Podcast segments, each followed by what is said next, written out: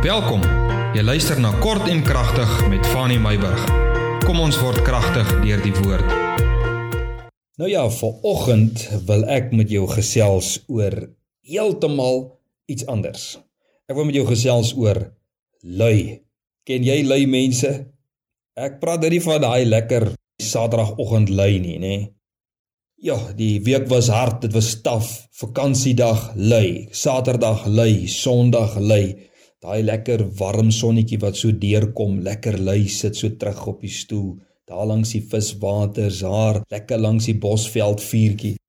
Ek wil met jou gesels oor lui vanmôre. Spreuke 26 vers 13 tot 16. En jy sal nou sien wat ek bedoel en van watter lui ek praat. Spreuke 26 vers 13 tot 16 sê Salomo: Die luiaard sê: Daar is 'n leeu op die pad, 'n leeu op die pleine. Vers 14 'n dier draai rond op sy skarniere, so die luiaard op sy bed. Vers 15. Het die luiaard sy hand in die skottel gesteek, hy is te moeg om dit na sy mond terug te bring. Dis treurigheid. Vers 16. Die luiaard is wyser in sy eie oë as sewe wat verstandig antwoord.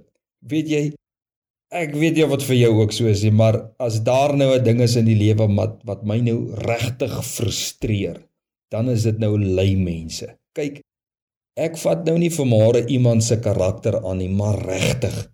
Jy weet my ma sê altyd jy kan arm wees. Maar weet jy, maak jouself en jou plek netjies.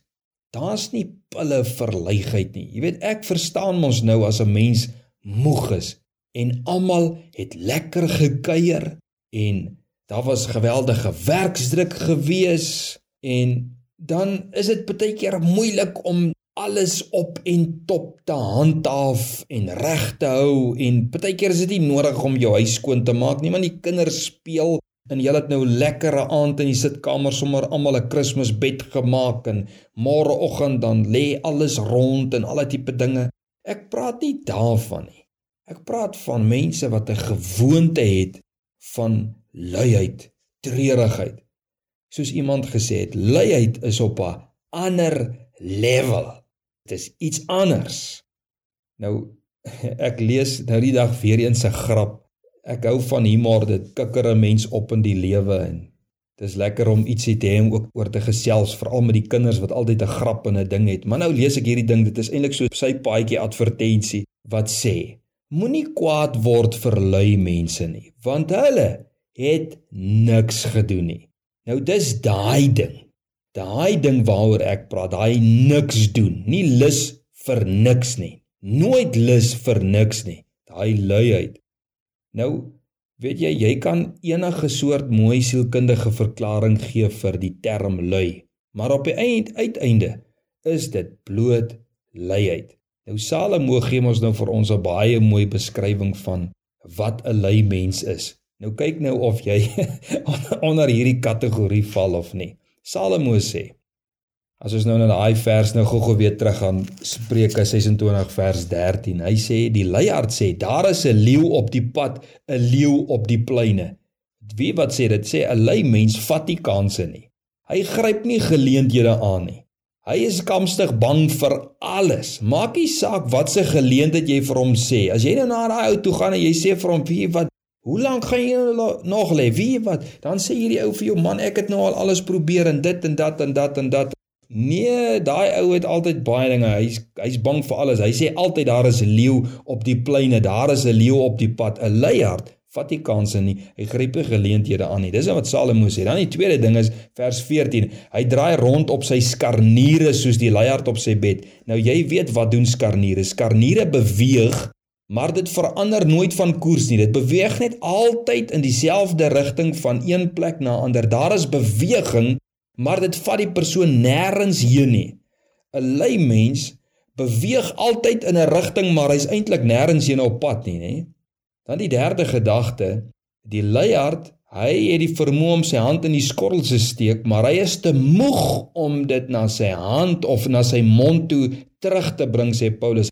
'n Lui mens is onvermoond om homself te versorg, om homself te voed, sê Salomo.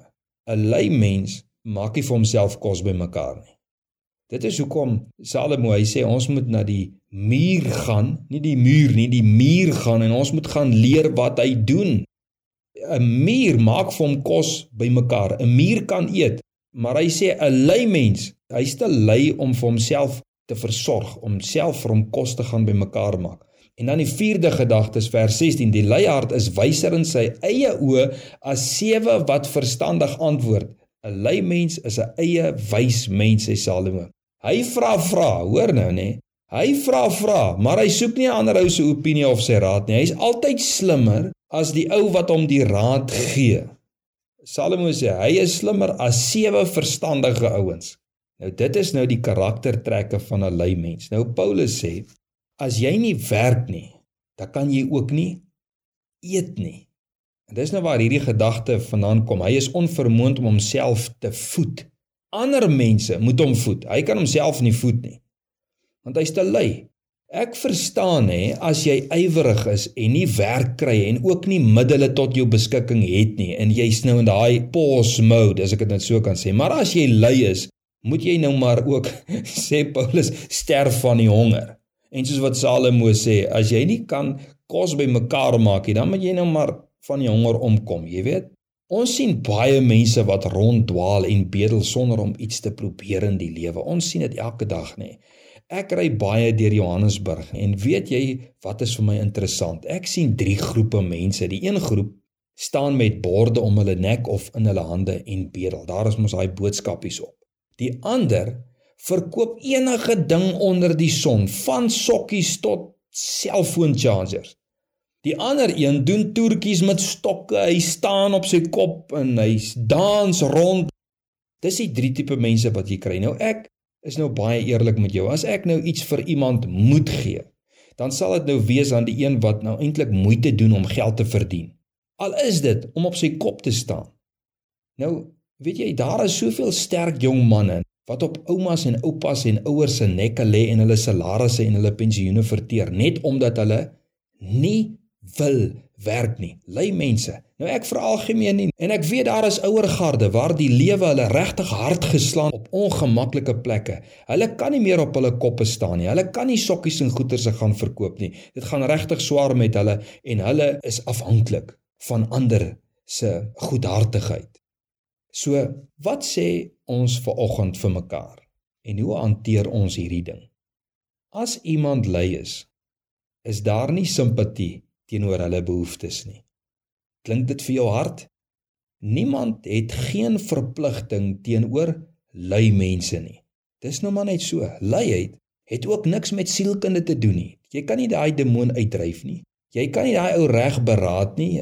Sielkundige gaan nie vir hom depressie pille gee en hy gaan uit sy lui uitkom nie. Luiheid se keuse. Sommige gevalle ja, is dit kompleks. Want as ouers en grootouers nie die lui kinders wil help nie, dan raak hulle aggressief en abusive. Verskoon die Engelse woord. Ek weet nie wat is daai ander woord. Sulke ouers en grootouers benodig ondersteuning, strukture, definitief. So, kind van die Here, as jy iemand of mense ken wat liefdadigheid benodig, hulle sal jou help en ondersteuning ewig dankbaar wees. Maar vir die lui mens dink twee keer. Ons het nodig om hulle te help om in die liggaam van Christus in te kom dat hulle kan verstaan wat hulle rol, hulle doel en hulle funksies in die lewe, dit waaroor ons gister gesels het.